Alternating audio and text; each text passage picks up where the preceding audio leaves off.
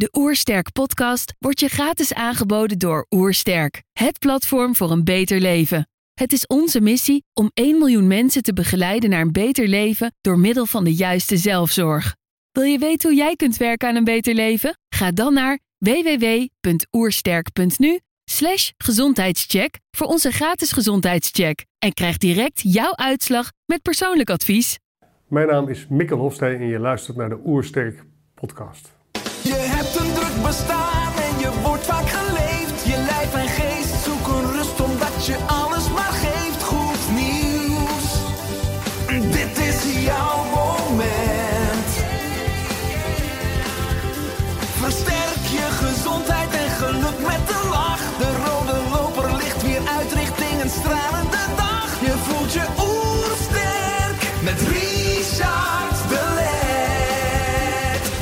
Zijn hier in Heemskerk voor een podcast met Mikkel Hofstee. Mikkel is oprichter van Lifeguard, auteur van het boek Oermens 2.0 en initiatiefnemer van de Amsterdam City Swim. Ik ben benieuwd naar zijn tips voor een beter leven. Trouwens, geniet je van onze podcast? Abonneer je dan en laat een reactie of review achter. Zo help je ons om het gezondheidsvirus te verspreiden. Let's start! De Oersterk Podcast. Een ontdekkingstocht naar een beter leven. Mikkel, welkom. Dankjewel, Lisa. Leuk. Ik lees op de, je website van Lifeguard. Je wil met Lifeguard impact maken zodat we op een plezierige manier met elkaar omgaan in Nederland en geen tijd en energie verspillen aan vervelende regels of angstig gedrag. Kun je deze missie toelichten? Ja, ja, ja. Dan komen we meteen bij mijn stokpaardje. Hè? Angst en stress.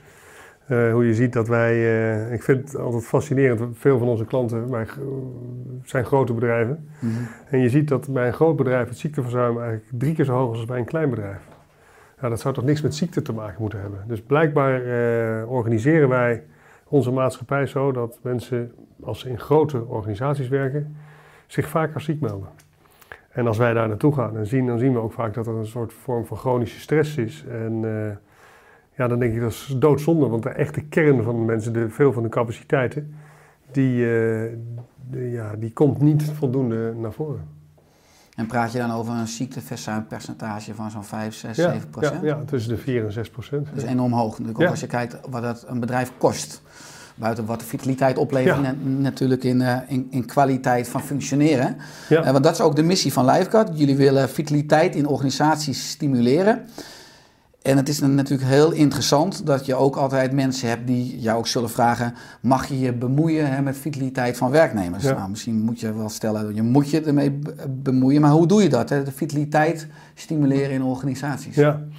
ja, we hebben wel een, een, een, een behoorlijke weg gevolgd in die, in die 18 jaar. Want ehm, in eerste instantie hebben we ons puur op het individu gericht. We dachten, als we het individu versterken, weerbaarder maken, inzicht geven, gezonder, dan is die organisatie ook gezonder. Los van de omgeving, het individu. Het individu. Maar we hebben wel gezien dat als je die mensen zelf weer, weer als je niks in de omgeving doet, niks aan de stijl van leidinggevende, niks aan de cultuur, dan gaan ze uiteindelijk weer richting het gemiddelde, noem ik het maar.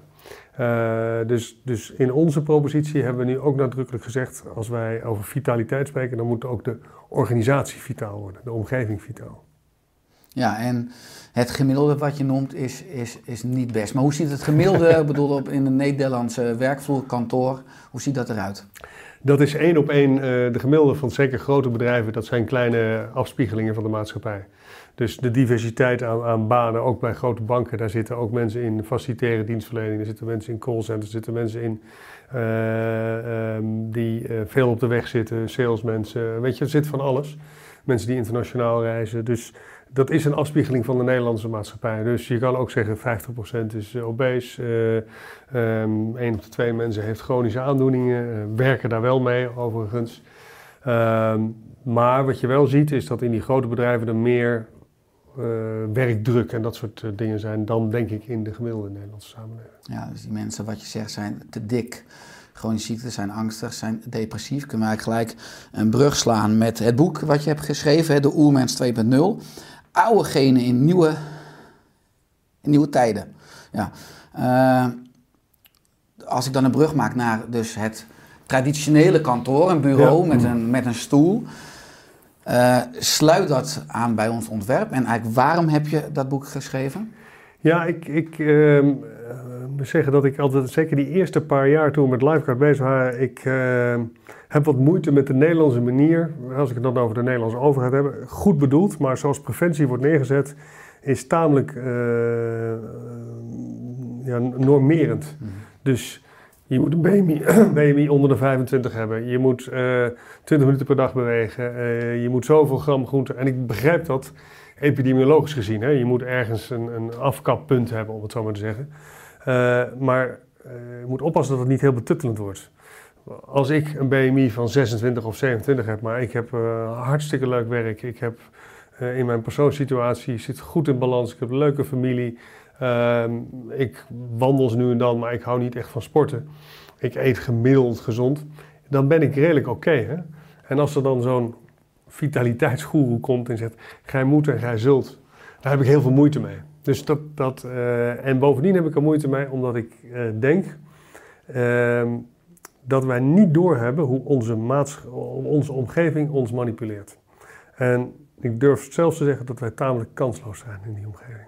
Je omgeving is sterker dan je wilskracht. Die omgeving is, en dan heb je natuurlijk tussen hoog en, opge- hoog en laag opgeleid is ook nog wel een verschil, tenminste als we, als we dat zien. En, maar eh, kijk, wij hebben bijvoorbeeld niet door hoe wij gemanipuleerd worden door eh, onze telefoon. En dat wordt alleen maar erger. Al die data die de grote jongens willen hebben, dat betekent dat ik eh, eh, de volgende keer dat ik weet je, zoveel kilometer gereden heb, dan komt er een aanbieding. Ik drink graag koude chocomel, ijskoude chocomel. Dan krijg ik de volgende keer op het moment dat ik in de buurt ben bij een pompstation, zeg ik, Mikkel, voor jou nu aanbieding twee chocomelletjes voor de prijs van één. Nou, dan stop ik misschien toch even en dan neem ik twee chocomelletjes. Hè, twee keer zoveel calorieën naar binnen. Dit zijn maar één, één van de voorbeelden. Ik zie het andere, ik gebruik dat vaak in, in lezingen en dergelijke, de telefoons, waar kinderen. Je hebt een soort Snapchat, hè? ik weet niet of je, of je dat weet, maar daar zit ook een Snapstreak in. Dus als jij en ik elkaar een Snapchatje sturen, dan komt er een eentje achter onze naam. Eh, als we dat morgen weer doen, twee. Overmorgen weer een drietje. Mijn dochter van 17 heeft ongeveer 300 Snapstreaks. En de meeste, de, langste is met haar nichtje, is meer dan duizend dagen. Dus die kinderen verbreken dat niet. Die krijgen letterlijk...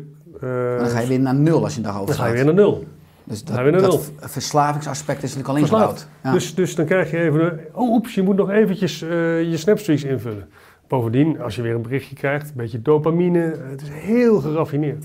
En langzaam maar zeker wordt die aandacht van onze kinderen... Dus ik krijg nu onze kinderen, gebeurt natuurlijk op geraffineerde manieren, ook met onze aandacht, wordt weggezogen. En dan komen die oeroude genen die fantastisch in elkaar gezet zijn, hè, noem het maar, die, die heel veel kunnen. We zijn een prachtige soort. Uh, maar die worden in een hoek gedrukt waarbij ze, uh, ja, ik noem het maar, tamelijk weerloos zijn. Achterover zitten, kijken, de aandacht wordt opgesloten. Ja, want het is interessant wat je zegt, dat onze oeroude instincten nu vermarkt worden door allerlei industrieën die ons Ja. willen laten eten, zitten en aan het schermpje gekluisterd willen Ja. houden. Ja. Eh, in je boek Oermens 2.0, eh, ja, fascinerend. Ik geniet er enorm van, omdat ik enorm veel overlappen lees, ook hè, met onze boodschap vanuit Oersterk. Ook het voorwoord van eh, Maarten Frankhuis, oud-directeur van Artes.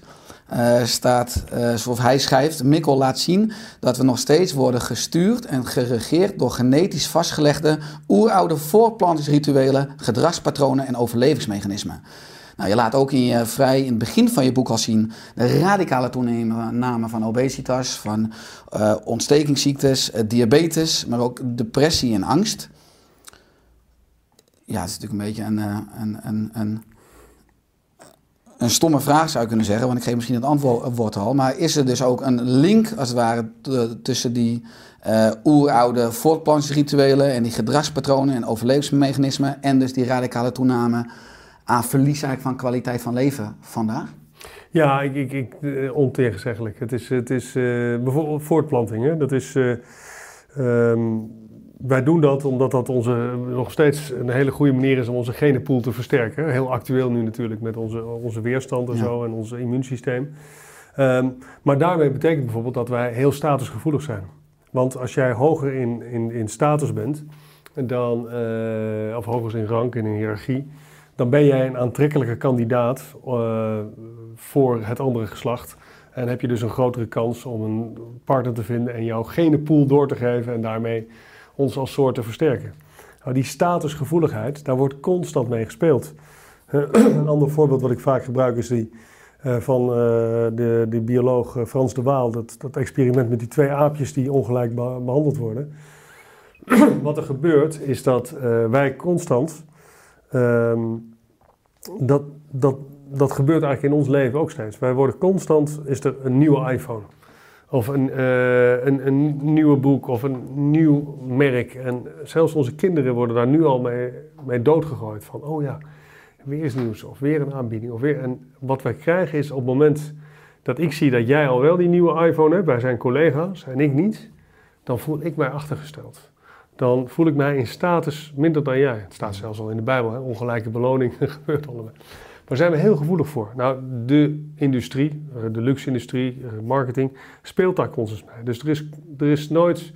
Je had ooit de econoom Keynes, die zei eh 100 jaar geleden over 100 jaar, dan hoeven wij maar, eh, zijn we vier keer zo rijk en hoeven we maar 15 uur te werken voor een goed leven.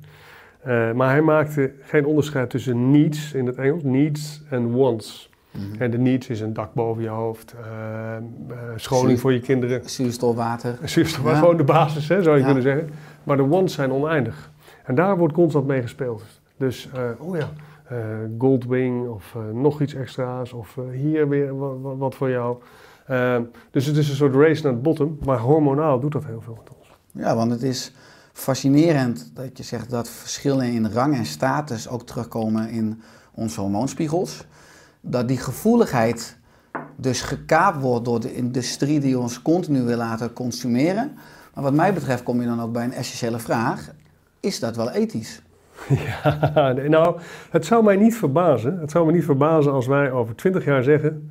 Smartphones aan onze kinderen. Dus wij zijn gek geweest. Weet je wel? Het is cocaïne, Eh, ja, ja. tenminste, eh, als je kijkt wat het doet op het beloningscentrum in ons brein. Ja, jij bent een stukje jonger dan ik, maar, maar ik weet niet of jij nog hebt meegemaakt dat je in het vliegtuig mocht roken. Nee, wel in, wel in de trein. Als ik, toen ik naar de VU ging, geneeskunde, in de rookcoupé heb ik af en toe gezeten als er geen plek meer was. Ja, Met die, met die afdrukjes. Ja, ja. Die, die stank die in die coupé al. eh, hè? En, eh, maar in, in, in het vliegtuig had je ook achterin de laatste tien stoelen. Daar werd gewoon gerookt. Nou, je, je kan het je niet meer voorstellen. Hè? Dus, eh, En dat rook je in heel het vliegtuig bedoel je? Rook je Die ook in heel die- vliegtuig. En dat, dramatisch. Maar, maar het zou best kunnen dat wij over twintig jaar natuurlijk zeggen... jongens, wat hebben wij gedaan? Ook met die smartphones. Maar ook misschien met alcohol of eh?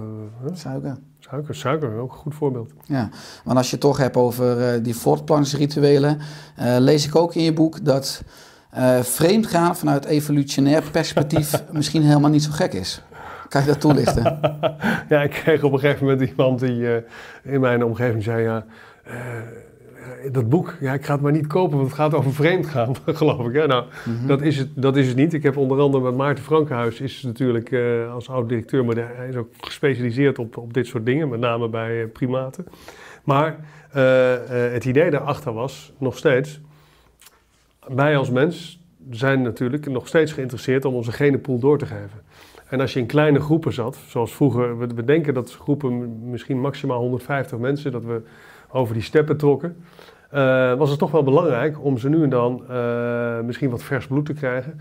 Plus, ehm, de, de vrouwen wisten nooit helemaal zeker dat ze bij een partner eh, dat, dat, dat 100% garantie was op goed nageslacht geven. Ehm, dus die maakte, dat is een van de theorieën, ik kan het nooit helemaal verklaren, maar je ziet wel dat, dat eh, er verschillende invloeden zijn natuurlijk in die, in die genenpool. Dus een van de gedachten was dat die vrouw regelmatig uitstapjes maakt, want de vrouw selecteert, hè, dat is ook belangrijk. Dus een numbers game, een vrouw heeft 400 eitjes eh, tot haar beschikking in het leven en die is heel selectief.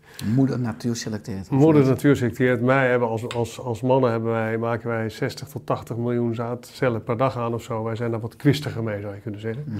Vrouwen zijn selectiever, maar eh, de, de, een van de theorieën is dat ze regelmatig toch wat, ja, of wat wandelingetjes maken, zou je kunnen zeggen. Misschien met andere mannenpaarden.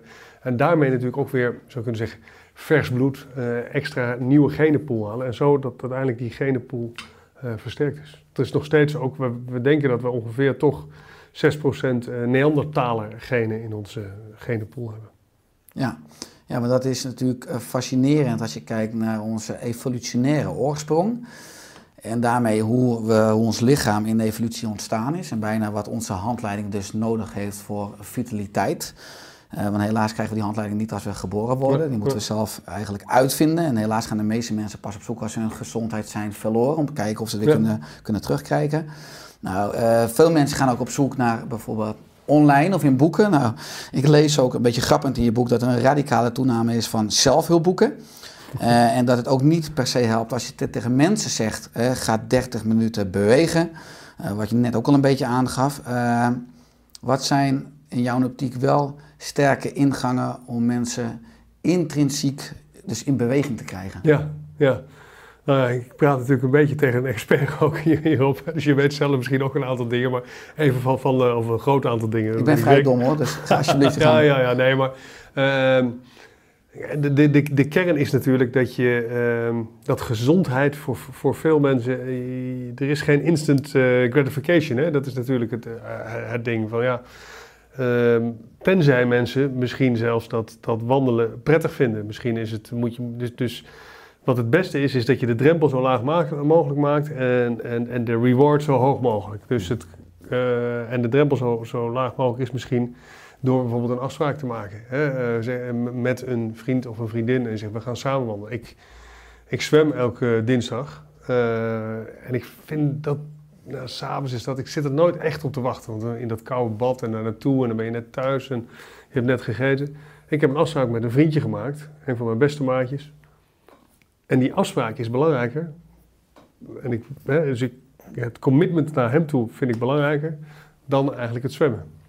Eh, dus zo moet je voor jezelf gewoon kijken van wat werkt voor, eh, voor je. En als je, als, je, als je dat bijvoorbeeld bij bewegen ook hebt. ehm, niet eens zozeer die connotatie met gezondheid, maar bijvoorbeeld eh, mindfulness is ongelooflijk ehm, populair nu. Maar hoeveel mensen wandelen en kijken echt goed naar de omgeving? Ik, als ik aan het wandelen ben, ben ik altijd aan het kijken of ik in het water bijvoorbeeld snoeken zie. Vind ik ongelooflijk leuk als ik er weer eentje zie. Of ik kijk, kijk naar boven. Of eh, eh, is het je wel eens opgevallen dat als je naar bomen kijkt, dat die blaadjes elkaar eigenlijk bij, eh, nooit raken. Dat is ook fascinerend. Nou, zo zijn er honderd dingen. Dus je moet eigenlijk met mensen een beetje in gesprek gaan en vragen van ja, wat, wat maakt het leuk? Of, wat, eh, of hoe, hoe zorg je dat het een ritueel wordt? Nou, je kijkt dus niet naar, naar een schermpje als je buiten loopt. Dat is, dat is ook heel veel mensen lopen buiten met een schermpje en dan nog zie je weinig. Ja, Ja, want ja. de vraag die ik stel komt natuurlijk ook een beetje voort uit... Heel veel mensen weten de juiste dingen wel. Dat ze wat gezonder moeten eten, dat ze wat meer mogen Ja. bewegen. Dat ze wat eerder naar bed mogen en wat meer mogen ontspannen. Eh, dat ze wat meer eh, sociaal moeten investeren in verbinding. Maar heel veel mensen die doen het dus niet. En advies als ga 30 minuten bewegen ri- richt zich heel erg op die cortex, op, op die cognitie. Dus Ja. ik noem dat het mensbrein. Maar mensen komen in beweging vanuit het oerbrein. Je zegt terecht, en dat vind ik mooi, zorg dat de drempel zo laag mogelijk is. Bijvoorbeeld door met een buddy, heb je een stok Ja. achter je deur, ook als je geen zin hebt. En de reward, de beloning, zo groot mogelijk. Hebben jullie vanuit Lijfkaart ook een bepaalde strategie om werknemers meer te laten bewegen? Ik weet dat heel veel mensen die de podcast luisteren of kijken, eh, ondernemers zijn, ZZP'ers zijn.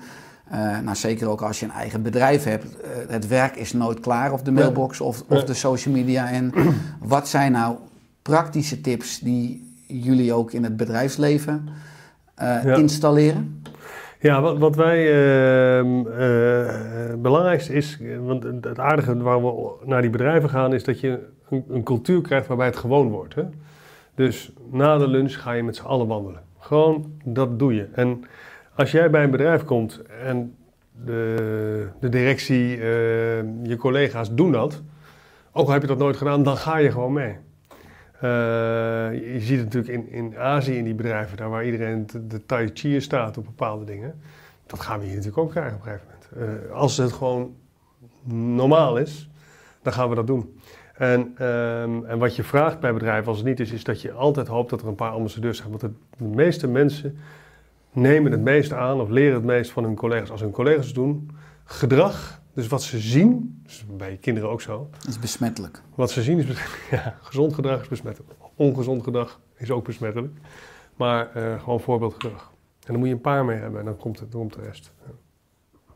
Ja, dus dan zie je dat eh, werkvloeren na de lunch met z'n allen gaan bewegen. Ja, eh, de, de, ook zo'n beetje zo'n zo'n vreselijk woord, de bilateraaltjes, hè, de bilaatjes. Maar dus één op één gesprekken. Eh, gewoon natuurlijk, ga even wandelen. eh, tijdens de wandeling. Je, je, je praat makkelijk met elkaar. Heerlijk. En, en dat wordt veel gedaan. En, en je ziet als er een paar mensen zijn die dat, die dat doen, dan volgt de rest ook wel. Ja.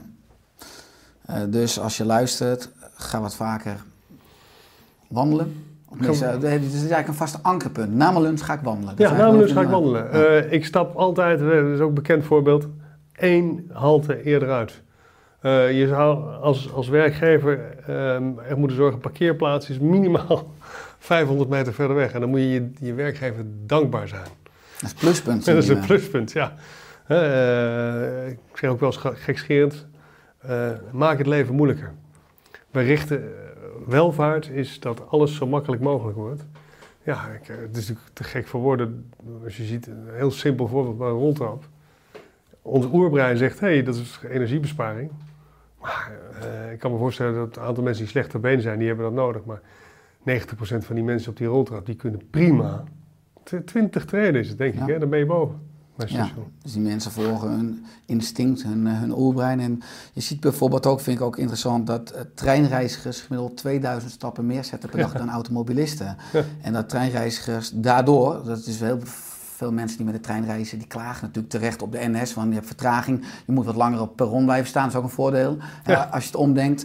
Maar die hebben een betere BMI, veel betere blo- Ja. bloedmarkers en... Nou, dus eigenlijk eh, ben je vitaler als je met de trein reist. Ook als je werkgever met de trein reizen stimuleert, bijvoorbeeld boven een leaseauto. Eh, wat nu Ja. weer interessant is, omdat met corona heel veel mensen thuis werken. En die leaseauto's wordt nu een stuk uitdagender, hoorde ik vanmorgen op, eh, op de radio. Ja. Maar wat me ja, enorm verbaast, is ook als ik jouw boek lees, eh maar daar zoveel essentiële kennis in staat, dat ik, dat ik regelmatig weer even moet opstaan omdat ik van mijn stoel ben afgevallen. Eh, informatie wat zo logisch is en waarvan ik vind dat iedereen dat zou moeten leren, misschien ook kinderen in het basisonderwijs. Je schrijft zelf ook dat we eh, onze auto naar een monteur brengen in de garage. En een auto is natuurlijk dode materie, hè, dat is fragiel. En zo kijken we ook naar ons lichaam. Dat wordt ons als Ja. kind ook geleerd. Als je iets mankeert, dan ga je naar een Ja. dokter in een witte jas. Eh, dus de dokter is eigenlijk onze monteur geworden. Terwijl wij zijn levende materie. We hebben een zelfherstellend vermogen. En we zijn antifragiel. Hoe kunnen we nou die essentiële kennis, dus ik maak een rondje, eh, hoe kunnen we die mensen leren en moeten we die niet uiteindelijk al in het basisonderwijs krijgen? Ja, dat, dat is natuurlijk wat, wat, waar, waar, ehm, waar je bijna hebt met elk wereldprobleem zou je kunnen zeggen. Dan zeggen we weer onderwijs en educatie. Ehm, de kern zit er een beetje. En ik sprak laatst een, eh, een, ehm, iemand die verantwoordelijk is voor een groot aantal scholen. Die zei, de ker- het probleem is een beetje ook dat wij leraren heel veel... Het zijn ook uitvoerders geworden. Ook alles daar weer. eh, die begon de introductie dat ik me nogal afzet tegen angstig. Wij zijn een maatschappij geworden waar alles gecontroleerd moet worden. Voordat wij een nieuw curriculum in Nederland hebben, kost 20 jaar of zo. Klopt. Dat is echt, hè, met de 21st century skills. Nou, ik denk dat we in de 22nd century, dat we het eens zijn over de 21st century skills. Eh, dus heel veel professionals, die, die, die leraren, die willen wel. Hè? Die willen wel bewegen. Die, die, die begrijpen ook dat als jij kinderen eh, tijdens een dag twee uurtjes, en vooral drukke jongetjes, lekker een beetje laat bewegen, dan letten ze daarna beter op. Maar de onderwijsinspectie, de dingen, het is, het is we, houden elkaar eigenlijk erg gevangen. En, eh, en ik denk dat, dat het zeker in deze, deze tijd, met de kennis die we nu hebben, dat ongelooflijk belangrijk zou zijn dat als wij kinderen leren, eh, het zelfherstellend vermogen. ehm, ik, ik ben zelf altijd groot voorstander de stoïcijnse levenskunst, eh, men- mentale weerbaarheid, mentale veerkracht. Ja, dat een beetje de, de connectie tussen body en mind. Laat ze zelf weer gewoon eens tomaten telen. Allemaal dat soort dingetjes. Hè. We, zijn het allemaal verleerd. De oorsprong. Ja, Ja. weet je wel. Ja. En ja, de vooruitgang maakt ons uiteindelijk dommer en afhankelijker. Hoe blijf je zelf eh, mentaal weerbaar met alle rollen en activiteiten die je hebt? Nou ja, ik heb vorig jaar bijvoorbeeld de cursus eh, Stoïcijnse levenskunst gevolgd. Hè, eh, bij de Internationale School voor Wijsbegeerte in de buurt van Amersfoort. In Leusden zit het, geloof ik. Ja, dat was hartstikke leuk. Dus ik probeer zelf, ik, ik, ik lees heel veel. En wat Eh, waren je belangrijkste inzichten uit die cursus? Of het Nou, belangrijkste dat inzicht? is de, de, de, de basis van de Stoïcijnen eh, is, je mag natuurlijk best echt emoties hebben. Maar focus je nou op datgene waar je invloed op hebt. En wat ik zelf wel aardig vond, en dat zal jou als ondernemer ook aan, aanspreken, het is een actiegerichte filosofie. Dus ehm, ik kan heel veel energie kwijtraken. Wij kunnen, hè, laten we zeggen, wij kunnen ontzettend met elkaar heel boos gaan doen dat het onderwijs en we zijn, zijn geïrriteerd en dingen. We kunnen ook zeggen, we gaan zelf een school opzetten. En dan gaan we het wel op onze manier doen. Hè, eh, dat is actiegericht. En ik heb liever, denk ik, ja, klagen en, en, en, en bezig zijn met dingen waar je geen invloed op hebt, kost heel veel energie. Ja. En laten we nou die energie gebruiken voor datgene wat we, ja, waar we invloed op hebben. En eh, dat vond ik ook weer mooi in deze coronatijd. Hup, ja, het was wel weer eh, spannend, toch? Mhm. Dan moet je jezelf weer opnieuw uitvinden. Maar wat je dus eigenlijk zegt, Mahatma Gandhi zei het ook al, wees de verandering die je zelf wil zien in deze wereld. Ja. Ja, ja. En, en het, het, eh, kijk, en natuurlijk zijn er momenten dat je zelf ook eh, onzeker bent, dat je jezelf zorgen maakt. Nobody is perfect. Dat vind ik ook wel erg belangrijk. Laat ook zien dat je zelf soms kwetsbaar bent en dat je het soms even niet weet en dat je hulp nodig hebt. Maar ehm, eh, dat, is, dat is menselijk. En, eh, eh, en slaap dan dan soms even over. Of ga. eh, ik weet in ieder geval wat ik gedaan heb in, in deze tijd is dat ik in ieder geval heel goed voor mezelf heb gezorgd. Veel slapen, veel naar buiten, veel sporten, eh, ja, goed eten. Heeft de coronacrisis gezorgd voor het bedrijf Livecard voor juist meer drukte en aanvragen, omdat mensen nu steeds meer vitaliteit op de agenda hebben, of ook wel voor wat spanning en zorgen of een stukje crisis? Ja, ja, ja, in eerste instantie werd alles eh, in maart werden alle trainingen eh, afgezegd. Hè, want we deden 250, 300 trainingen per maand eh, voor, voor bedrijven. En nou, die gingen even naar nul. Ja, we mochten Dat is nog nooit in die 18 jaar gebeurd, neem ik aan. Nee. Van, eh, Nee. van alles naar nul. Onze coaching ging wel door, eh, meteen ook digitaal. Nou, nu doen we weer zo'n 150, 200 digitale, trai- digitale trainingen. En gaat waanzinnig goed, leren we van eh, nieuwe leerstijlen, nieuwe manieren. Ehm, en wat we wel zien is een aantal nieuwe klanten erbij. Omdat we, ja, gezondheid blijft wel een thema. Dus wij denken lange termijn dat dit echt goed voor ons is. Ehm werkleven gaat meer door elkaar lopen. eh, Mhm. Psychische stress wordt groter. Ehm, nou, eh, sommige thuissituaties eh, geven veel druk. Maar het is, was ook wel even aanpassen. Ja. Ja. Dat aanpassen deed je zelf dus door onder andere zeg je veel te slapen. Wat is voor jou veel slapen? Nou, dan ga ik. Mijn ideale schema is dat ik om een uur of tien, half elf in mijn bed lig. Een half uur lees. En dan om eh, zeven uur opstaan. Ja, dus je hebt acht Acht uur uur, weg s'nachts. ja. hè, Ja. Ja. En veel bewegen zeg je. Ja, Wat, wat, wat heb ik, je eh, ik loop twee keer hard. Ik doe elke ochtend een kwartiertje yoga. ik zeg dat het yoga is.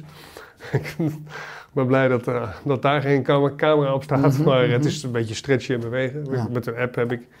En dan en ik zwem één keer per week. En we zijn weer een beetje aan het voetballen. Dus dat is lekker. Ja, en ik hoor, voeding. Wat zijn je voedingspijlers waar je, waar je dan op terugvalt? Ja, ik, ik, eh, ik, vind, ik hou heel van koken. Dus een van de dingen die, wij doen, die ik nu doe, is dat ik ook met mijn kinderen probeer te koken. Dat is hartstikke leuk. Ik hoor net een dochter van 17. Ja, goed. Die kookt mee dan? Die, die, die heeft er gevoel voor. Eh, maar ik heb ook twee zoontjes van 15 en eh 13. En nou, vind ik ook leuk dat ze een beetje koken. En zo is het maar een beetje snijden en, en doen. Hè. Maar is gewoon leuk om met elkaar te doen. En we weten één ding over voeding. Als je het zelf maakt, is het altijd gezonder dan als je het koopt. Wat is je lievelingsrecept? Ehm, ja, dat is, ik heb niet één, één lievelingsrecept. zo. Wat ik wel heel leuk vind.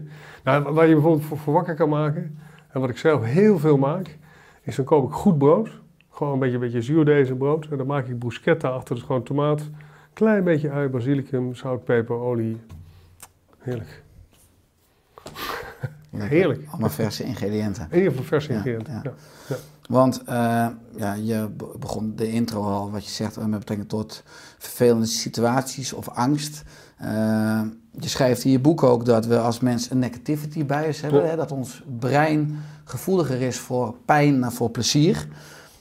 Hoe kunnen we dat enerzijds ja, erkennen, doe je al als je het weet. Maar hoe kunnen we daar op een eigenlijk voelende manier mee omgaan? Ja, ja die, kant is, dat maak ik me het meest zorgen over eigenlijk. Hè? Want dat is met de hoeveelheid informatie die we nu hebben, ontkomt ons brein er bijna niet aan. Als ik nu hoor dat er eh, eh, een eh, TBS'er op straat is die een kinderverkrachter is of zo, weet je wel. Dat, als ik dat hoor, dan gaat mijn brein automatisch denken, oeh, dat eh, ik hoop niet dat hij in de buurt komt van, van mijn, mijn kinderen. Of, hè, dus dat zijn allemaal scenario's. Dus met alle informatie die we krijgen, eh, ontkom je er bijna niet aan om dat soort scenario's te gaan. Dus we weten ook dat als je goed uitgerust bent, dat je hoofd- en bijzaken beter van elkaar kan scheiden. Dus dat is wel een vereiste. Maar eh, je ziet nu bijvoorbeeld, ik, ik ben op een gegeven moment echt gestopt met bijdragen in verschillende appgroepjes. Er helemaal gek van. Iedereen had een mening. Ik, eh, ik ben een enorm, ik hou enorm van de krant lezen. Maar ik lees bijna niks meer over de corona-aanpak en de crisis, want het is, eh, ja, het gaat zoveel kanten op en het, het, je, je, je kan er somber van worden als je oppast. Je hebt geen controle. Ja, maar ik vind het zelf niet erg om controle te hebben. Nou, die illusie heb ik sowieso gegeven, dat we controle in het leven hebben. Dat helpt ook al, hè? maar dat is, dan ga je nog een stapje verder als je het echt over... Ik ben niet bang voor de dood. Eh, dat roep ik nu heel stoer, maar ik denk dat ik... en ik wil graag nog een tijdje doorleven, want ik eh, geniet er wel van hier.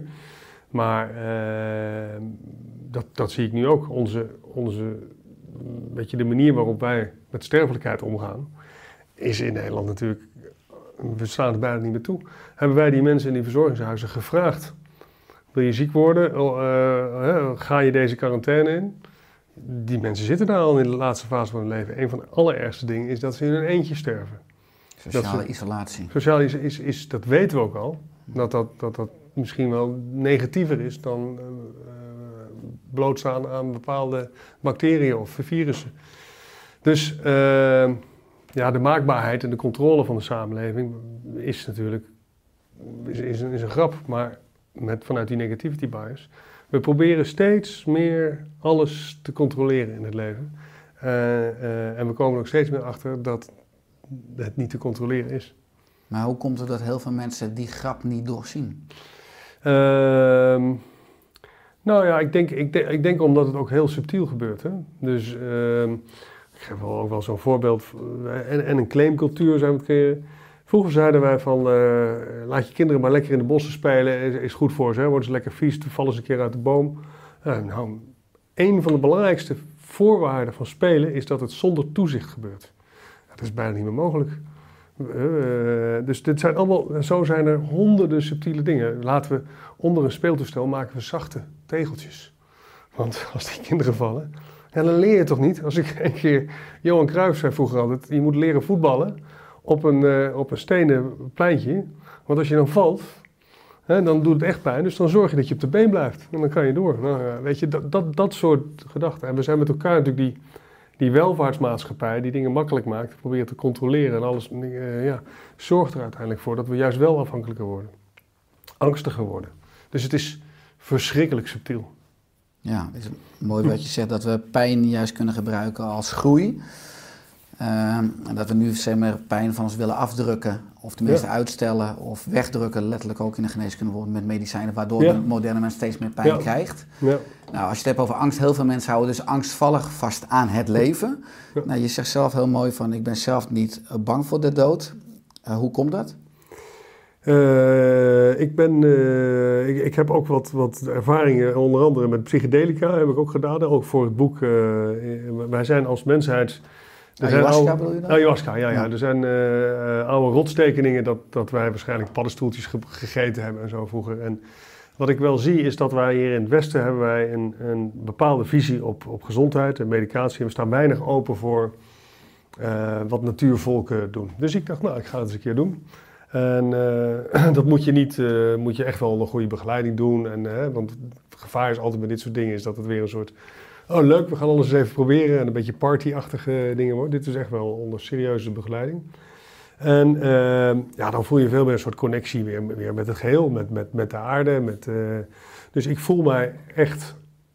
Wij zijn, wij zijn natuur. Mensen zijn natuur. En bij natuur hoort, hoort bij dat je in een soort cyclus komt. En eh, als je van een hele grote afstand kijkt, dan die zien misschien eh, allemaal mensjes weer doodgaan en nieuwe mensjes bijkomen. Dus misschien net als een soort bladeren, zo zijn wij ook.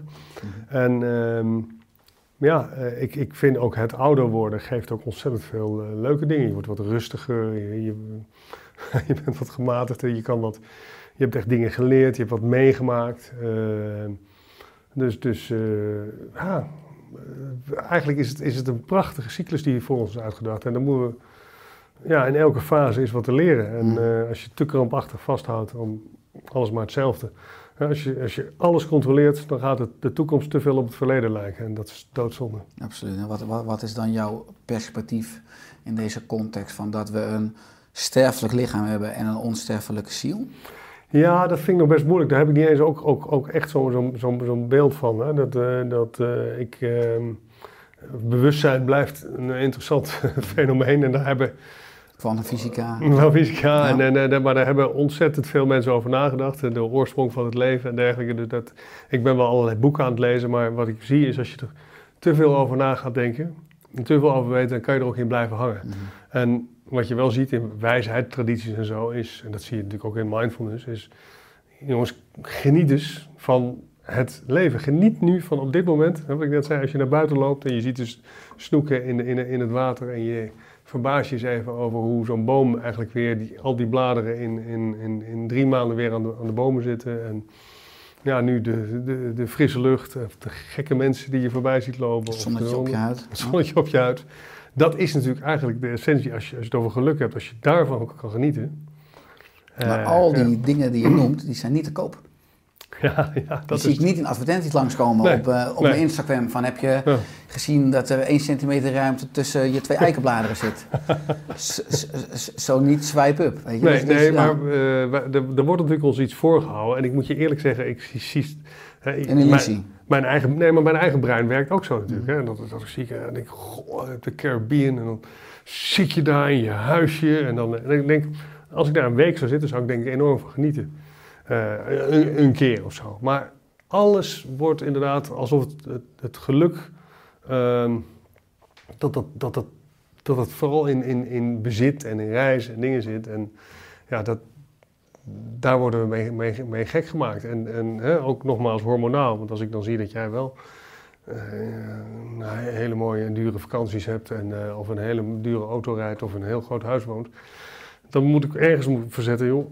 eh, zorg dat je brein niet die kant van het brein aanzet... maar dat je gewoon geniet van de dingen waar je wel invloed op hebt... en die je leuk vindt. En die, eh, want uiteindelijk is dat, is dat de basis. Is dat qua rang en status ook meer iets van mannen? Als, we willen allemaal misschien de alfa man op de apenrot zijn. Hebben vrouwen dat minder?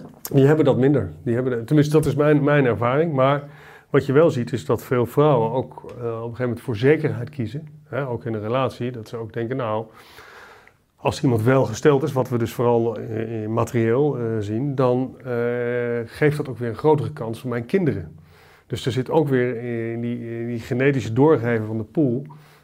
daarom zijn er ook veel vrouwen die gewoon welgestelde mannen aantrekkelijk vinden. Ja, dus het heeft ook wel een, een evolutionaire grondslag. Ja, heeft een evolutionaire grondslag. Ja. Ja. En ik denk wel wat je gaat krijgen is dat er... Natuurlijk, je ziet A, dat veel meer vrouwen zelfstandig zijn. Dus die gaan dan misschien ook voor mannen die eh, nou, misschien wel bomendokter zijn... of eh, die eh, op een andere manier bij- zijn researcher of arts of weet je Die geen financiële zekerheid hoeven te geven. Nee. Maar we leven vanuit passie en dan niet Ja, per se bezig ja. zijn misschien met het materiële en geld. Ja, ja en, en dat zie je natuurlijk nu wel. In, in, eigenlijk zie je het ook, ook wel, ze zeggen dat is de jonge generatie, maar je ziet het ook wel in mijn generatie terugkomen. Kijk, wij, ik ben eh 51 nu, wij zijn een beetje, eh, toen ik van de universiteit kwam waren er weinig banen.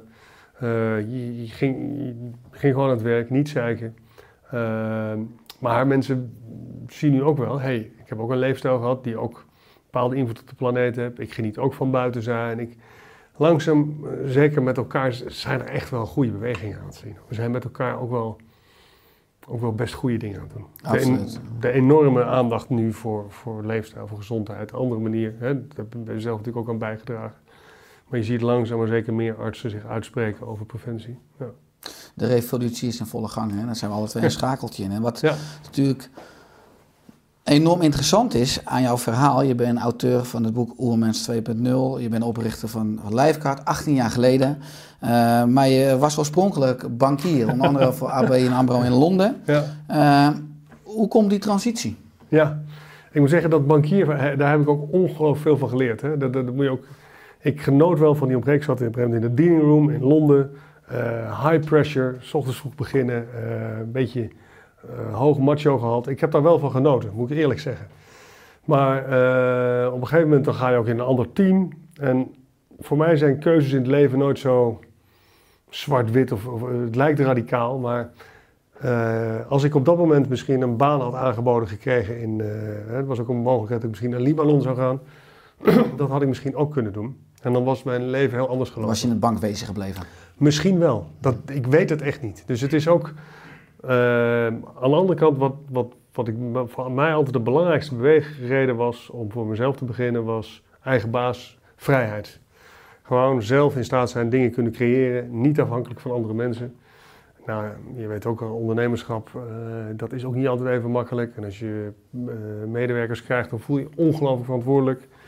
Maar de basis was, ik ga vrij, een vrije geest ontwikkelen. Nou, eh, still working on it. het zo. Work in progress. Ja, want eh, nou ja, soms kan een bedrijf ook een gouden kooi zijn, hè, waarin je Ja. dan misschien die vrijheid niet hebt. Ja. Als je zo terugkijkt op die 18 jaar ook met Livecard, wat overheerst dan? Eh, ongelooflijk veel plezier. En, maar ook wel eh, doorzetten, doorzetten, doorzetten, doorzetten. Hè, nu ook, wij, wij gingen natuurlijk als een speer het begin, afgelopen jaar, maar ook begin dit jaar. En, dan, en we hebben, hè, eh, groei gaat altijd in cirkels zou je kunnen zeggen. hopelijk wel uiteindelijk de goede kant op, maar eh, dat je toch even jezelf moet zeggen, "Oh, shit, we gaan weer even twee jaar terug in, in omzet of zo. En we moeten weer... Eh, je- ja, ik merk wel dat, je, dat het toch wel weer even... Dat eindeloos doorzetten, dat hoort ook bij ondernemerschap. Mhm. En ja, ik, vind, ik ben er wel sterker door geworden. Weerbaarder door geworden. Ja, nooit opgeven, maar wat overheerst, wat je zegt, is plezier. Plezier. Dat is misschien wel de smeerolie die je nodig hebt om het vol te houden. plezier, het, idee dat je kan creëren. En, eh, en ik heb heel veel leuke en gekke mensen ontmoet. Dat vond ik ook zo leuk. Dat- Wat is de leukste of de gekste ervaring die je hebt gehad? Nou, ik heb, ik heb heel veel hoogleraren eh, ontmoet die zo gepassioneerd waren in een vak. Die, dat je, sommige mensen zouden ze een beetje we- wereldvreemd eh, noemen, bij wijze van spreken. Maar bijvoorbeeld ook een boek schrijven met iemand als Maarten Frankhuis. Ik ben geboren tegenover Artes. De eerste twee jaar van mijn leven nam mijn moeder mij elke dag eh, mee naar Artes. Op de plantage. Op de plantagelaan. En eh, die had zo'n abonnement. En dan schrijf ik eh, bijna 50 jaar later een boek met de voormalig directeur van Artes. Ja, dat vind ik leuke verhaallijnen die bij elkaar komen. Mooi, leuk ja. Ja, want je bent, on- eh, je bent ondernemer, nou, je, je, bent, je bent schrijver, je bent vader. Ja, je, je geeft aan, je hebt eh, drie kinderen, een dochter van 17 en een zoon van 15 en 13. Eh, nou, ik vind zelf, ik ben zelf vader van Noah en James. Noah is eh, tien geworden afgelopen week en James is één jaar. Dus ook twee verschillende maar, maar opvoeden enorm uitdagend. nou, je bent bezig met vitaliteit in al die organisaties. Eh, je benoemt net dat je met je kinderen kookt. Eh, je benoemde ook de uitdaging van je dochter van het schermpje met een eh, Snapchat en zo'n streak van eh, duizend dagen al met een nichtje. Hoe bespreek je, of is het juist gewoon van wat je net al zei, ook van ik leef het voort, een stukje vitaliteit. Hoe zorg je dat je kinderen ook een vitale leefstijl hebben? Ja, nou, dat is be- best moeilijk. Want mijn, mijn jongste die heeft eh, best een beetje overgewicht. Hè. Die, die, die best... eh, Je zoon van 13. Mijn zoon van 13, die, eh, eh, waarvan ik denk van, goh, weet je, en dat is, dat is eh, omdat hij gewoon ja, een andere bouw heeft, ander, hij eet hetzelfde. Eh, ik denk wel dat hij meer snoept hier en daar. Eh, dat is eh, gewoon moeilijk, hè. En, Zit in de brugklas of de tweede? een brugklas. Een brugklas, ja. ja. Superleuke ventje, eh, heel attent, hè, super sociaal. Ehm, en ik probeer al een paar keer met hem te gaan hardlopen. Maar ik merk hoe moeilijk het is, hè? Want, want je wil niet te veel stigmatiseren. eh, ehm, je wil niet dat hij een soort trauma krijgt. Aan de andere kant vind ik dat je hem ook moet aanspreken. Ik vind opvoeden hartstikke lastig. Er zit iets in mij, in mijn eigen soort drang naar vrijheid, eh, dat ik vind dat die kinderen echt een kans moeten hebben om zich, zichzelf te ontwikkelen. En dat ik gewoon wat voorwaarden moet scheppen. Mhm. Maar eh, Met ja, minimale sturing.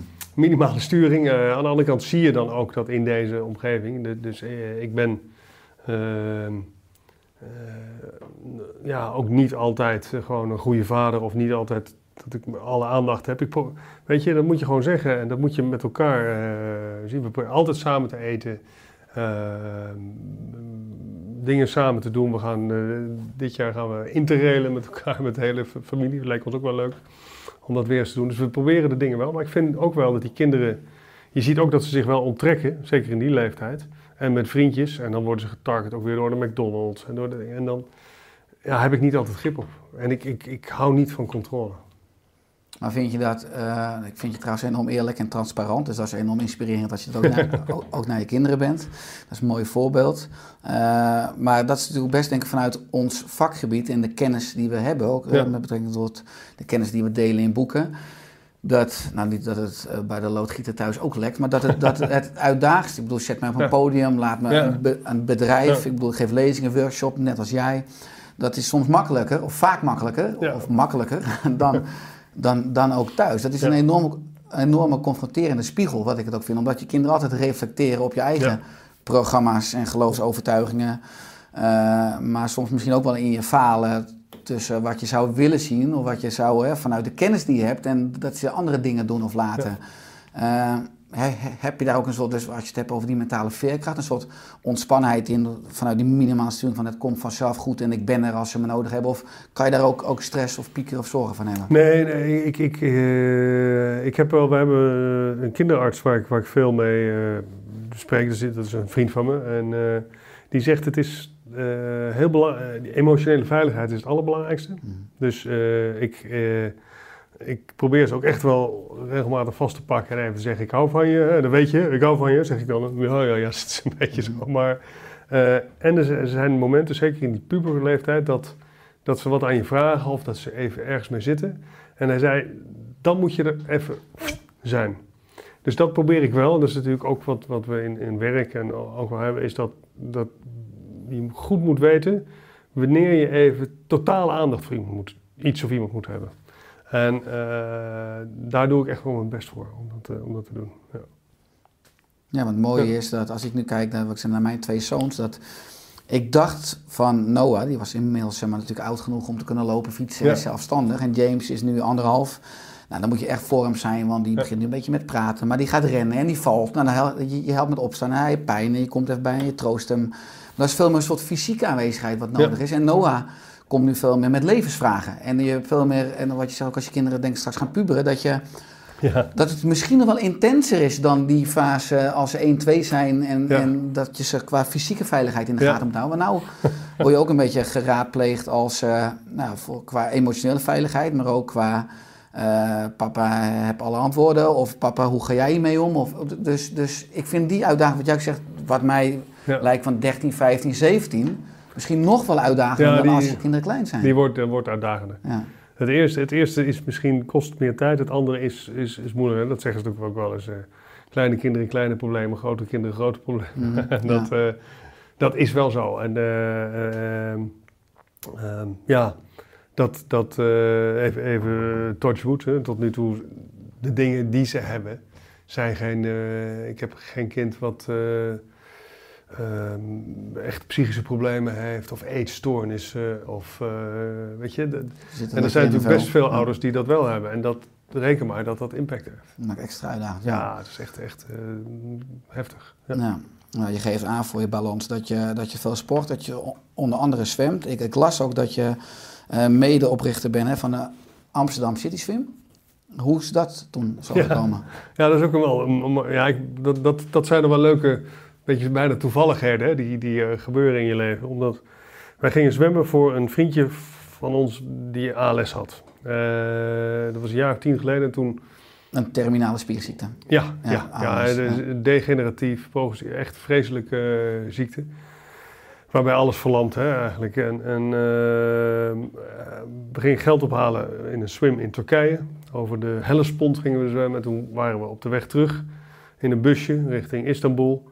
En toen zeiden we eigenlijk tegen elkaar, waarom kunnen we eigenlijk in Nederland niet zwemmen? En toen zei iemand anders van, nou laten we dat eens in de grachten van Amsterdam doen. En eh, Waternet, die de beheer van het water in eh, Amsterdam, is een klant van, van Lifeguard. Dus ik had goed contact met de directeur en ik heb hem geappt in, de, in dat busje. Ik zei, mogen we zwemmen in de grachten van Amsterdam? Hij zei, lijkt me een fantastisch idee, want wij zijn al jaren bezig om die kwaliteit van dat water te verbeteren. En dit zou natuurlijk een prachtig eh, voorbeeld zijn. En toen wisten we nog niet dat we Maxima zo gek konden krijgen dat die in tijdens de koningin ja. was toen nog kroonprinses. Maar Ja. ik moet zeggen, eh, dat was de beste reclame ooit. En zij heeft gewoon twee kilometer borstkrol in die grachten gedaan. En vanaf dat moment stond het evenement. En eh, dat is wel heel mooi. we doen het nog steeds. Ik zit niet meer in het bestuur zelf. Maar we hebben ook gezwommen in New York. We hebben gezwommen in Londen. Dat, mooi. Eh, ja, het enige is, die vriend van ons is helaas overleden. Er is nog steeds geen eh, oplossing voor ALS. Mhm. Dus dat is de bittere afdronk, zou je kunnen zeggen. Eh, maar ja, het was Ja. wel een... Amyotrofische laterale sclerose, ALS, zijn natuurlijk bezig enerzijds met stamcellen, maar heel veel verschillende initiatieven wereldwijd, maar inderdaad nog steeds geen genezing. Nee. Nee. Nee. Maar het mooie is wel, vind ik, aan het verhaal, is dat dat ene appje in Turkije, hè, waar je gelijk die, die ingeving maar gelijk daar een actie aan, ver- aan verbinden, wat daar dan uit voorkomt. Dus, dus eigenlijk het potentieel wat ieder mens heeft, als je een ingeving hebt en daar dus ook dan naar luistert, dat vormgeeft. Ja, dat is misschien wel, eh, weet je, dat we natuurlijk ook eh, allebei, dat we het net even over vanuit ondernemerschap dingen creëren. En, eh, en dat is wel heel leuk, omdat dat, dat ging, ja, zo'n swim, dingen voor elkaar krijgen, dat, Mhm. Dat is natuurlijk leuk actiegericht. We, in het begin toen we bij de gemeente Amsterdam kwamen, want Waternet wilde wel, maar het kon natuurlijk niet. En de Amstel moest worden afgezegd. En hoe gaan we dat allemaal doen? En ja, dat, dat maakt het wel leuk. Als het allemaal makkelijk is, dan eh leer je Dat was voor de gemeente Amsterdam het idee van een gek bijna. Om, om, eh, om, met een groep in een, in een gracht te gaan Ja. zwemmen. Ja. Ja, wel. Ja. Maar toch in de loop der jaren, tenminste, zijn ze mee gaan denken. En het is natuurlijk een, bijna een, een, een initiatief wat je niet meer kan wegdenken. Ja, maar het is wel interessant als we het over gezondheid en weerbaarheid spreken. Eh, we worden natuurlijk ook daar weer, hoe meer we weten, hoe voorzichtiger we worden. Dus hey, eh, wat voor ziekten zitten er eigenlijk allemaal wel niet in dat water? Eh, ik geloof dat je nu, nou ja, we hebben een keer gehad dat, dat veel mensen ziek zijn geworden omdat er net een overstroming was geweest. En, Qua, qua algen, van het riool en ja, E. coli en dergelijke. En, eh, ehm, nou, du- dus eh, ook daar weer hè, eh, kennis. Eh, maar hoe meer we weten, hoe voorzichtiger we worden. Ja. Terwijl ja, het wel kan, het zwemmen in de gracht. En dat is een interessante balans in de maatschappij met een taak die je aan mensen geeft, publieke taak aan bijvoorbeeld een GGD. En eigen verantwoordelijkheid van mensen. Ja. Wat we wel gelukkig zien is dat het buitenzwemmen een enorme vaart heeft genomen. Ja, ook onder andere door Wim Hof, hè, dat mensen koud Ja, douchen. En in buiten, hè, ook in de winter, Prachtig. in, eh, Ja. in meren, in rivieren, In, eh, in grachten zwemmen. Ja. Ja. Absoluut. Dat is eh, iets wat natuurlijk een enorme positieve prikkel is op, op het immuunsysteem, op het autonome zenuwstelsel en op ons brein. Ja. Drie systemen onder vitaliteit. Ja. Ik, ik lees op je website hè, dat je staat voor een wereld waar we vriendelijk zijn, dat we met respect voor de wereld en iedereen die daar woont. Maar ik hoor al een, be- een beetje terug dat je dat zelf ook doet hè, als je in de natuur loopt.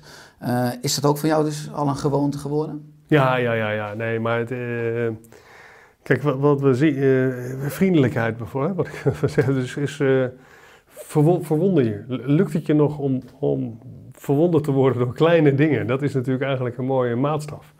Eh, niet alles hoeft groots en mee- meeslepends te zijn. En als je dat, en, en ik weet hoe daden van vriendelijkheid, dat zie je natuurlijk ook hier, als gewoon mensen aardig tegen je zijn en vriendelijk tegen je zijn. Dat, dat is toch, eh, denk je, ja, dat is het minste wat je kunt doen. Hè? Als er ergens een verkeersregelaar staat, eh, ja, dan, dan kan je ook tegen die man zeggen, bedankt dat je even moeite doet. Dan is het in ieder geval een stuk prettiger dan dat je gaat zitten van, nou, hoe zit hij nou hier en doet zijn werk niet goed en waarom mogen die eerder? Of weet je, we kunnen zo, zo zuur zijn met elkaar, we kunnen zo, zo negatief. En ik vind vriendelijkheid bijna, dus, dus, dus als je dat durft te zijn, is ook een eh, teken van zelfvertrouwen. Wees eerst maar vriendelijk en dan zien we wel wat er eh, gebeurt. Ja, maar, dat is natuurlijk, eh, maar ben je dan ook iemand die continu mensen groet of gewoon contact zoekt? Of, dus Ja, zijn, zijn wel, die kleine dingen, een knikje of, of Ja. inderdaad een bedankje. Ja. Want dat is natuurlijk fascinerend, tenminste misschien een beetje een vooroordeel, dat je, er is zo'n gezegde van, ik kan een beetje afleiden hoe ethisch mensen zijn, maar spreken hoe ze met, met huisdieren of de lage sociale klasse omgaan. Ik bedoel ook, als je hebt over de top, ook in de geneeskunde, maar ook misschien eh, Ja. in het bankwezen. Ja. eh, dat je met collega's of andere artsen of, of, of mensen die hoog in het bankwezen zitten, vriendelijk bent, maar tegen de secretaresse of tegen zeg maar, eh, geen oog voor hebt of uitvalt. Daar kan je natuurlijk ook wel een beetje het, het mens zijn Oh, van een absoluut. persoon in. eh. Absoluut. He- heb je ook dat soort ervaringen gehad in, nou, misschien niet met lijfkaart, maar ook in het bankwezen? Ja, nee, maar je, je, je, en, en soms is het onzekerheid, hè, dat mensen heel erg hiërarchisch gaan eh, en dat dat ze denken, eh, van, ja, jij moet en ge- gezult. En eh, als je, het is natuurlijk eigenlijk heel triest als je moet zeggen, je moet naar mij luisteren, want ik ben de baas. Dan Mhm. heb je blijkbaar geen andere argumenten. Maar ik vind als mensen inderdaad eh, zich beter voordoen dan andere mensen, eh, dat is natuurlijk ook een hele racisme-discussie en eh, Mhm. natuurlijk dramatisch. Omdat jij uit een ander land komt of een andere taal spreekt of een ander kleurtje hebt, waarom zou jij meer of minder zijn dan iemand anders? Mhm. Dat is natuurlijk een totale waanzin die we met elkaar gecreëerd hebben. Dus eh, daar ben ik wel heel gevoelig voor. Als ik merk dat mensen dat, op die. En het kan onkunde zijn, het kan angst zijn, eh, maar laat het in ieder geval bespreken. En, eh, maar je weet bijvoorbeeld, dat, dat, dat weten we natuurlijk ook al uit res- research, als jij als arts ehm, vriendelijk bent tegen je. Je kan duidelijk zijn, zeg maar, bijvoorbeeld me- toedienen van medicatie. Dat is effectiever, en therapie trouwens effectiever, als je een klik hebt met je patiënt. Het is dus ook heel functioneel. Ja. Maar wat je eigenlijk stelt is dat ook als je vriendelijk bent en je kan verwonderen, eh, dat is ook veel meer vanuit, ja, noem het vanuit spiritueel oogpunt, maar vanuit verwondering is namelijk ook eh, gekoppeld aan een radicale ontspanning in alle systemen in ons lichaam. En als je Ja. namelijk eh, je reactie op een persoon af laat hangen van zeg maar, de sociale status, dat is ook heel erg gekoppeld aan, aan ik. Je zou Ja. bijna kunnen zeggen aan ego. En aan Ja. dat je een belangenafweging hebt van hoe ga ik op deze persoon reageren. Je komt net hier ontspannen inlopen. Eh nou ja, mensen weten niet eh, wie je bent, wij spreken mensen die je ontvangt. Het is heel interessant hoe mensen reageren. Want Ja. als mensen al weten of mensen een reactie afhangt van de sociale status, is dat Ja. eigenlijk veel meer ego dan, ik noem dat eenheidsbewustzijn. Als je je verwondert, is ieder mens gelijk. En is je reactie gelijk. En dan Ja, heb je altijd vriendelijk contact. Hè? ja Eh, klopt. Wat is je, je, je missie of je, of je droom voor aankomende jaren? Nou, ik. ik ehm, eh, ik zou het mooi zijn, dat, stel dat je ergens kan werken en dat ehm, er in kleine lettertjes onder je contract staat van als jij hier komt werken, eh, draagt het bij aan een, aan een langer en gelukkiger leven. dat zou, want eh, heel gechargeerd bij een aantal bedrijven, en we weten bijvoorbeeld in de geneeskunde, eh, heel veel artsen, maar ook piloten, eh, worden bijvoorbeeld minder oud. Door eh, hectiek, door stress, door nachtdiensten, door dat soort dingen. Eigenlijk in kleine lettertjes moeten staan. Realiseert u zich dat als u deze carrière ingaat, dat u eh, ten opzichte van andere mensen met uw achtergrond minder lang eh, leeft, bij wijze van spreken. En hoe mooi zou het nou zijn dat je werkomgeving dat dat bijdraagt aan je gezondheid. En ik durf te zeggen, mensen die bij een Lifeguard werken, daar draagt het werk bij aan hun gezondheid. Erkenning, eh, groeimogelijkheden, bezig met een hoger doel, intern eh, humor, relativeringsvermogen, weinig hiërarchie. Ja, dat is leuk. Dus, eh, en waarom zou dat niet kunnen als je ook voor een grote organisatie werkt? Ja, dat is mooi. Dus, dus, dus de mensen bij Lifecard worden vitaler eigenlijk. Ja. Dus dan heb je Ja. en een salarisstrook en je wordt nog gezonder Ja. ook. Dus dat is helemaal dubbele winst. Hè? Is er nu een soort, eh, wat je zegt, een soort overzichtslijst lijst qua vitale beroepsgroepen? Of hoe vitaal de beroepsgroep is?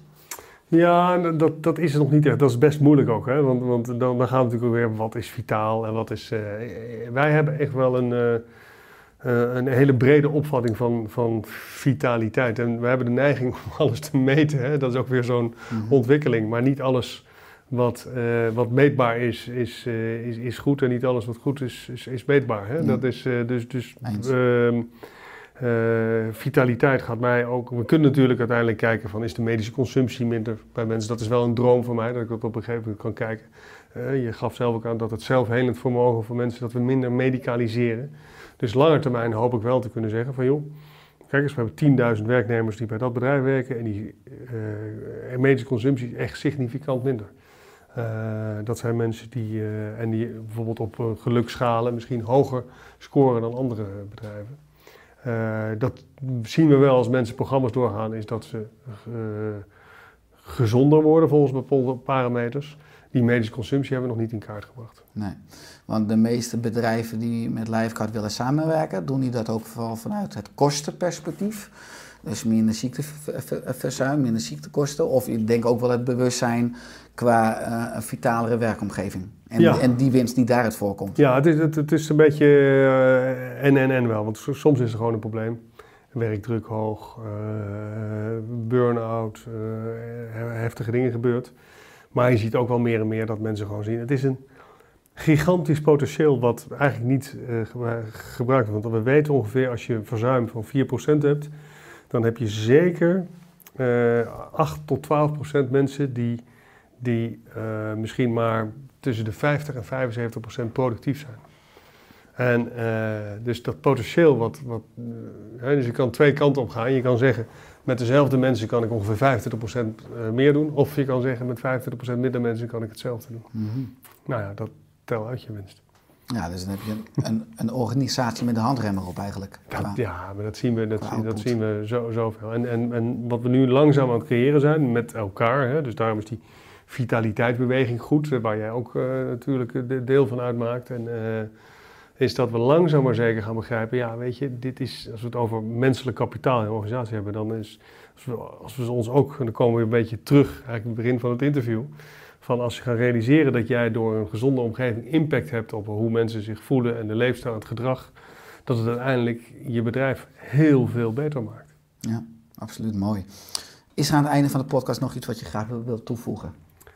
Ehm nee, ik, ik denk, dankjewel eh Richard voor eh, de gelegenheid om dit, om dit te geven. Vond het ontzettend leuk eh, om, eh, om met jou ook eens te spreken. En mooi hoe jij oersterk in de markt zet en daar ook jouw eigen drive in gooit. En hoeveel mensen je bereikt, dat vind ik ook leuk om jou daarin te moeten. En dat mag ik ook wel eens tegen je zeggen. Te horen, dankjewel. Waar kunnen mensen meer vinden over jou of over Livecard? Eh, eh, www.livecard.nl Mooi Mikkel, dankjewel voor je aanwezigheid in onze Ja. podcast.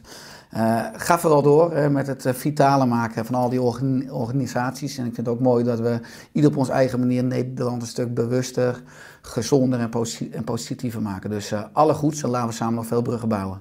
Gaan we doen. Dank Richard. Dankjewel.